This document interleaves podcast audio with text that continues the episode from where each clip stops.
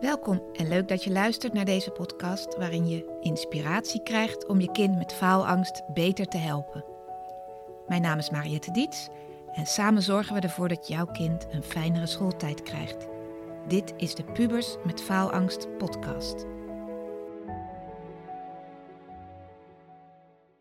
Hoe kun je je stress verlagen door invloed te hebben op je hormonen? Kun je wel invloed hebben op je hormonen? Dat is waar deze aflevering over gaat. Hoi, welkom bij deze aflevering van de Pubers met Faalangst podcast. En leuk dat je er weer naar luistert. Ben je nieuw? Hartelijk welkom. Ben je een terugkerende luisteraar? Superleuk dat je me zo trouw blijft volgen. En als je me al volgt via social media of je hebt mijn nieuwsbrief die ik elke donderdagochtend verstuur, dan weet je misschien dat ik ook een nieuwtje heb. Ik ga namelijk een boek maken over dit onderwerp, pubers met faalangst. Maar niet voor jou, niet voor de ouders, maar voor de pubers zelf. Dus ik ben bezig met een boek voor tieners en jongeren, dus ook studenten. Hoe ga je om met stress en faalangst? En als je bij al die afleveringen uit deze podcast denkt: Oh, je moet eigenlijk mijn kind naar luisteren. Of hoe krijg ik deze kennis in mijn kind? Nou, dat is wat ik met dat boek voor ogen heb. Het moet niet te dik zijn. Het moet een boek zijn wat voor een puber die niet van lezen houdt eh, behapbaar is. Maar waarin ik wel hoop wil geven. Waarin ik wil uitstralen van joh, je kunt best veel dingen zelf onder controle krijgen. En natuurlijk zijn er mensen met angststoornissen en zijn er mensen die daarvoor naar een psycholoog of een psychiater moeten. Maar er is ook een hele grote groep jongeren die meer mag leren van hoe krijg ik mijn gedachten op orde, hoe krijg ik mijn hoofd leeg, hoe kan ik beter omgaan met de uitdagingen van het leven en wat voor oefeningen helpen om me beter te voelen, om geen stress meer te voelen, om geen faalangst meer te voelen. En ik voel echt dat daar nu behoefte aan is, want het komt natuurlijk steeds in de media uh, kinderen zijn ongelukkiger, zijn angstiger, zijn gestrester en depressiever. Misschien komt het door de coronatijd, misschien komt het door de opvoeding. Van de week stuurde kindercoach Thea Adema, ik wou zeggen mijn collega, maar zo voelt het niet. Ze is meer mijn trainer. Ik heb alles bij haar geleerd. Maar Thea Adema, die is wat feller in haar mails. Dus die had een nieuwsbrief rondgestuurd waarin het, nou, ik weet niet, allemaal aan de ouders lag. Waardoor de kinderen nu minder weerbaar zijn, want we doen alles voor ze.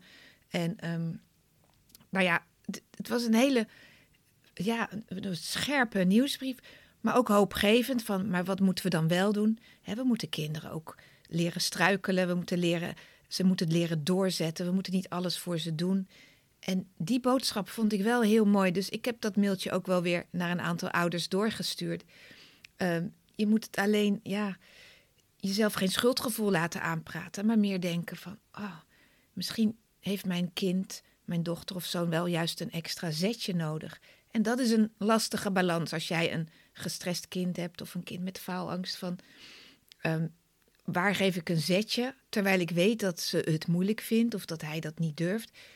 En waar ga ik mijn hele leven eromheen bouwen van ja, uh, hij kan dat niet aan, dus wij doen dat niet zo. Daar moet jij dus steeds de balans in vinden. Maar hou wel in je achterhoofd, ik wil hier een weerbare volwassene van maken. Dus ik moet af en toe echt even stoppen met betuttelen of met uh, dingen gladstrijken. Want je kind heeft hobbels nodig. Maar goed, dat heb ik al in eerdere afleveringen ook verteld. Hoe dan ook, er komt dus een boek. Tijdslijnen weet ik niet. Het is voor mij een nieuw project. Eigenlijk is het al geschreven. Maar ik wil de structuur nog beter maken. Daar gaat de redacteur naar kijken. Ik ben aan het uitzoeken. Hoe geef je zoiets uit? Ga ik zelf doen? Ik wil altijd alles zelf doen. Maar hoe dan? En als je nog tips hebt, mag je me mailen. Als je een goede illustrator kent of vormgever. Ik ben met dat, dat soort dingen bezig. Maar wie weet is er nog een, iets handigs wat jij mij kunt vertellen. Of misschien heb je zelf ooit een boek uitgegeven en heb je nog do's en don'ts voor mij waar ik weer van kan leren. En uh, het doel van het boek is dus dat het klein en dun is, dat je het gewoon onder de deur van je kind door kunt schuiven met ga dit eens lezen. En aan mij is het dus om het zo begrijpelijk en aantrekkelijk mogelijk te maken voor iemand van die leeftijd. Um, maar dat ze vooral weer voelen, ik kan hier wat aan doen. En dat ze niet als een torretje op hun rug gaan liggen spartelen met ik kan dit niet, dit is te veel voor me, dit is te moeilijk voor me. Dat ze weer wat meer vertrouwen voelen, wat meer basis eigenlijk van ik kan het leven gewoon aan, ook al haal ik soms een toets niet. Het komt allemaal wel goed en ik ga er ook voor werken. Dat is ook wel een van de boodschappen uit het boek je moet er wel wat voor doen. De, ik heb best wel wat kinderen in mijn praktijk die gewoon zeggen ik wil wel over, maar ik heb echt geen zin om te gaan leren. Ja, dan is natuurlijk de vraag: wie gaat er nu heel hard werken? Jouw moeder, die mij heeft ingehuurd om jou te leren leren. Ergens moet jij wel wat gaan veranderen als je over wil. Dus dat zit ook wel in dat boek van eh, passief achteroverleunen omdat je bang bent. Dat helpt niet. Je moet in actie komen en enge dingen weer gaan leren durven. Stapje voor stapje. Dus dat komt eraan. Een van de onderwerpen in het boek gaat over hormonen. Daar wilde ik vandaag wat meer over vertellen. Misschien heb ik het al in een eerdere podcast gedaan, maar nu specifiek hierover. Um, we zeggen natuurlijk in de puberteit, de hormonen gieren door het lijf. Um, bij meisjes kan je ook nog zeggen, maandelijks uh, gieren er hormonen. ze hebben invloed op je stemming. Zover weten we al. Zoveel weten we wel van hormonen. Maar wist je ook dat je het zelf kan beïnvloeden? Dus dat je kan zorgen. We zeggen vaak: er mist een stofje. Er mist een stofje in, in, in mijn hoofd. Of ik maak niet genoeg stofjes aan. Nou, je maakt ze zelf aan. Dus je kan ook zorgen dat je er meer aanmaakt. Je hebt invloed op dit proces. Je hebt invloed op je hormoonhuishouding. En de vier belangrijkste hormonen waar je je goed van voelt, ga ik straks aan je vertellen. En dat ene hormoon wat zo verantwoordelijk is voor stress. Daar ga ik ook wat over vertellen. Zodat je dat stresshormoon minder aanmaakt en die vier andere hormonen meer gaat aanmaken. En um, ik begin met dat stresshormoon. Dat is cortisol. Cortisol maken we aan ja, om in actie te komen. En dat is super handig als je iemand onder een auto vandaan moet tillen. Of um, je wordt door een leeuw aangevallen in het bos en je moet heel hard wegrennen. Cortisol is om in actie te komen als er gevaar is. Maar vaak hebben, hebben wij volwassenen, kinderen ook last van een cortisol aanmaak en raken we helemaal in de stress. Cortisol willen we dus zo min mogelijk aanmaken. Nou, de tips om minder cortisol aan te maken in je lijf, in je hersenen, in je brein zijn: eerst bewegen naar buiten. Lopen, fietsen, in de kamer dansen, iets doen wat je leuk vindt. Gewoon lekker bewegen. Tweede tip: in- en uitademen. De ademhalingsoefening. Alles wat we in deze podcast doen bij de oefeningen. Diep inademen. Nog langer uitademen. Een korte meditatie van die visualisaties.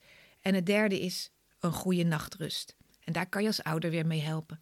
Pak die telefoon af, zet schermtijd aan, maar zorg dat er genoeg geslapen wordt s'nachts. En dat is niet alleen maar door de telefoon. Pubers hebben vaak last van een slechte nachtrust. Maar als je alles doet wat in deze aflevering aan tips voorbij komt, dan zal het echt met die nachtrust ook beter gaan. Dus die nachtrust zorgt voor een lagere aanmaak van cortisol. En dus ademhalingsoefeningen, maar ook gewoon lekker bewegen. Eigenlijk alles wat pubers niet leuk vinden, want ze zitten liever op hun bed uh, te kokoenen, de meeste tenminste. Um, en ze houden niet van ademhalingsoefeningen en ze zitten s'nachts liever andere dingen te doen met schermpjes. Dus dit is wel een belangrijke. Zorg dat het cortisol omlaag gaat. Nou, dan gaan we nu naar de vier hormonen die zorgen dat je je happy voelt, dat je gelukkig voelt, dat je je rustig voelt, dat je lekker in je vel zit. En ik zal ze eerst allemaal noemen en dan ga ik ze één voor één af. En waarschijnlijk ken je ze al, maar sorry als je me hoort ritselen, maar ik heb het een beetje te groot geprint. Um, die vier die zijn dopamine, serotonine, oxytocine en endorfine. Nou, sommige weet ik nog van de bevalling. Maar goed, dopamine, dat is de eerste. Dat is je beloningshormoon.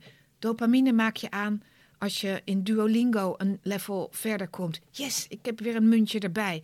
In Quizlet als je iets goed doet. Yes, als je een, of als je een to-do-lijstje maakt en je mag iets afvinken omdat je het hebt gedaan. Allemaal dopamine. Het zorgt voor motivatie. En hoe meer dopamine je aanmaakt, hoe lekkerder je je voelt.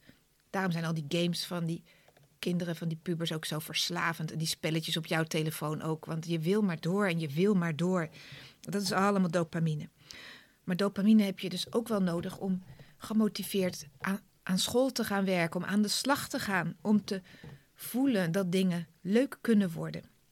Nou, er zijn drie dingen die helpen om dopamine aan te maken. Het eerste is doelen halen. En als ik het dan heb over een puber die aan het leren is, schrijf kleine doelen op. Dus niet geschiedenis leren, maar geschiedenis paragraaf 1 lezen. Nou, als dat gedaan is, streep. Um, paragraaf 1 samenvatten of leren of whatever. Weer streep. Kleine stapjes. En ook voor jou, voor jou als ouder, geef je kind kleine succeservaringen, kleine opdrachtjes. En als ze dat gedaan hebben, yes, nou dan heb je het goed gedaan. Dus kleine doelen, doelen halen, dat geeft dopamine. Daarom loop ik die 10.000 stappen per dag. Dat geeft mij, dat groene bolletje is een dopamine kick. Yes, dat heb ik weer gedaan. Zo werkt dus dat met hormonen. Het tweede, naast doelen halen, is nieuwe dingen doen. Een nieuwe hobby, een nieuwe uitdaging. Ben ik ook super gevoelig voor. Dan ga ik weer helemaal op in alle hypnoseopleidingen. Nou ga ik weer helemaal op in dat boek schrijven. Ehm, zo verzin ik ook nieuwe dingen. Opeens een paar weken lang met de Rubik Cubus dingen proberen te doen. Sommige kinderen gaan opeens jong leren. Of Russisch op Duolingo leren. Gewoon iets geks, iets nieuws leren. Daar krijg je een dopamine boost van. Ook iets simpels. Een andere route naar school fietsen. Dat deed ik vroeger ook wel eens. En daar werd ik helemaal blij van. Van nou, ik kan een keer zo, maar ik kan ook wel eens een keertje zo.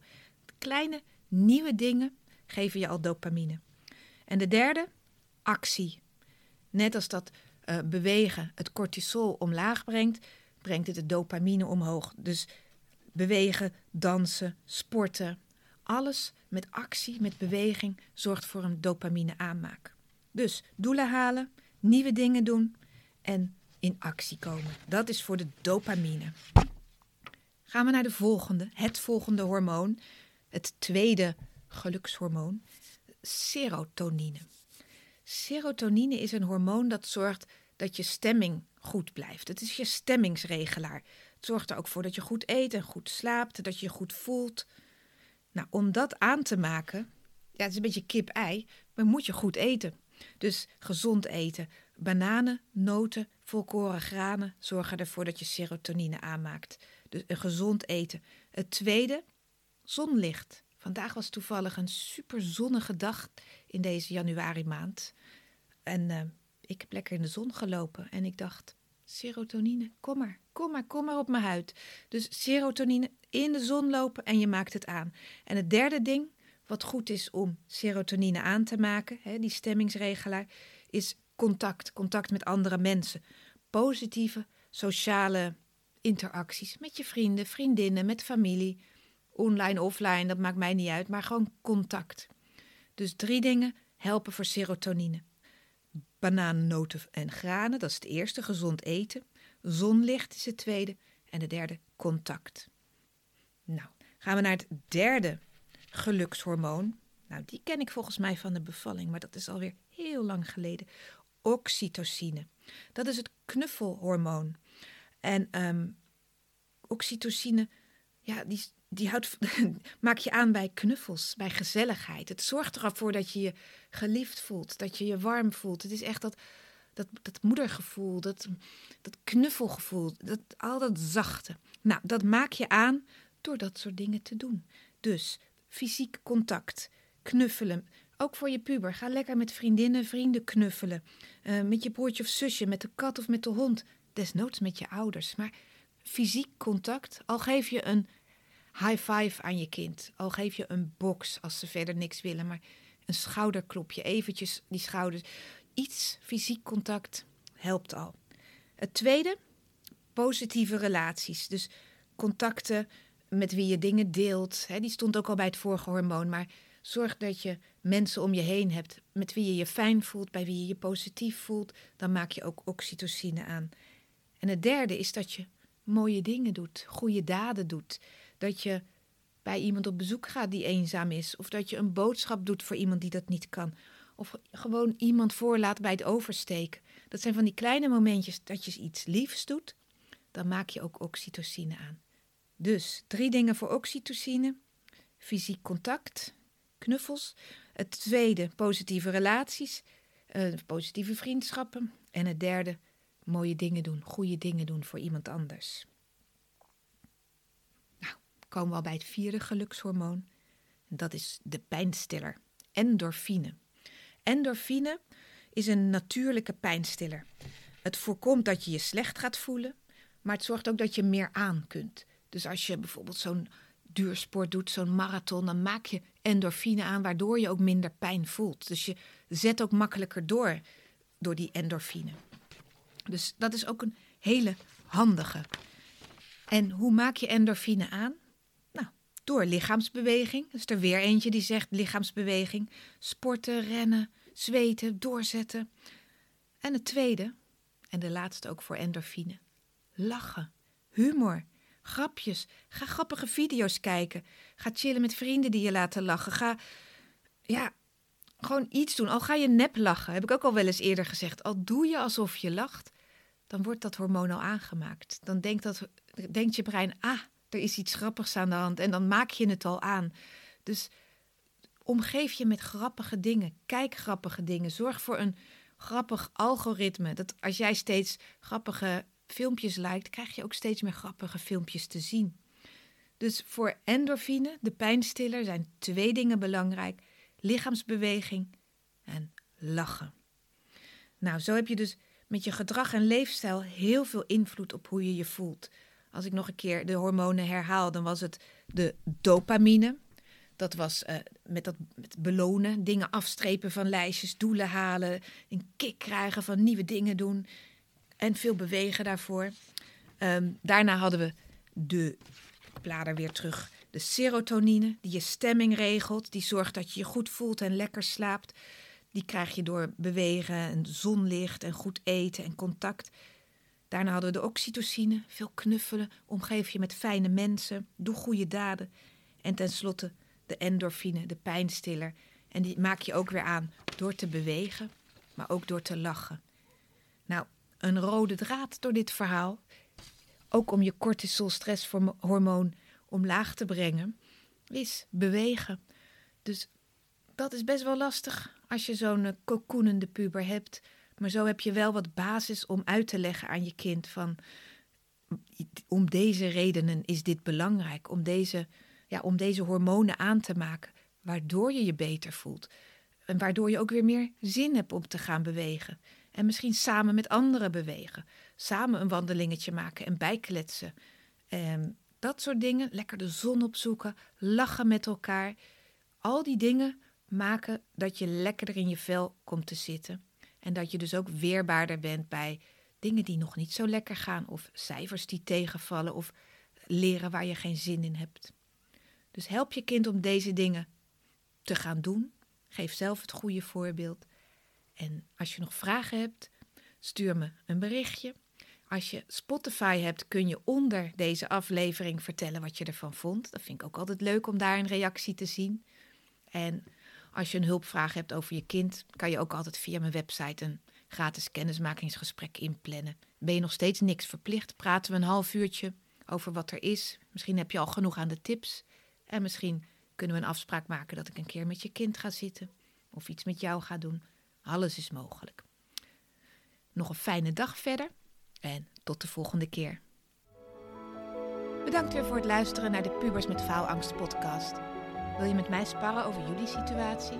Dan kun je altijd een gratis kennismakingsgesprek inplannen via www.dietscoaching.nl. Vind je deze podcast interessant? Abonneer je dan en geef hem een goede review. Dat helpt mij enorm om nog meer ouders te bereiken.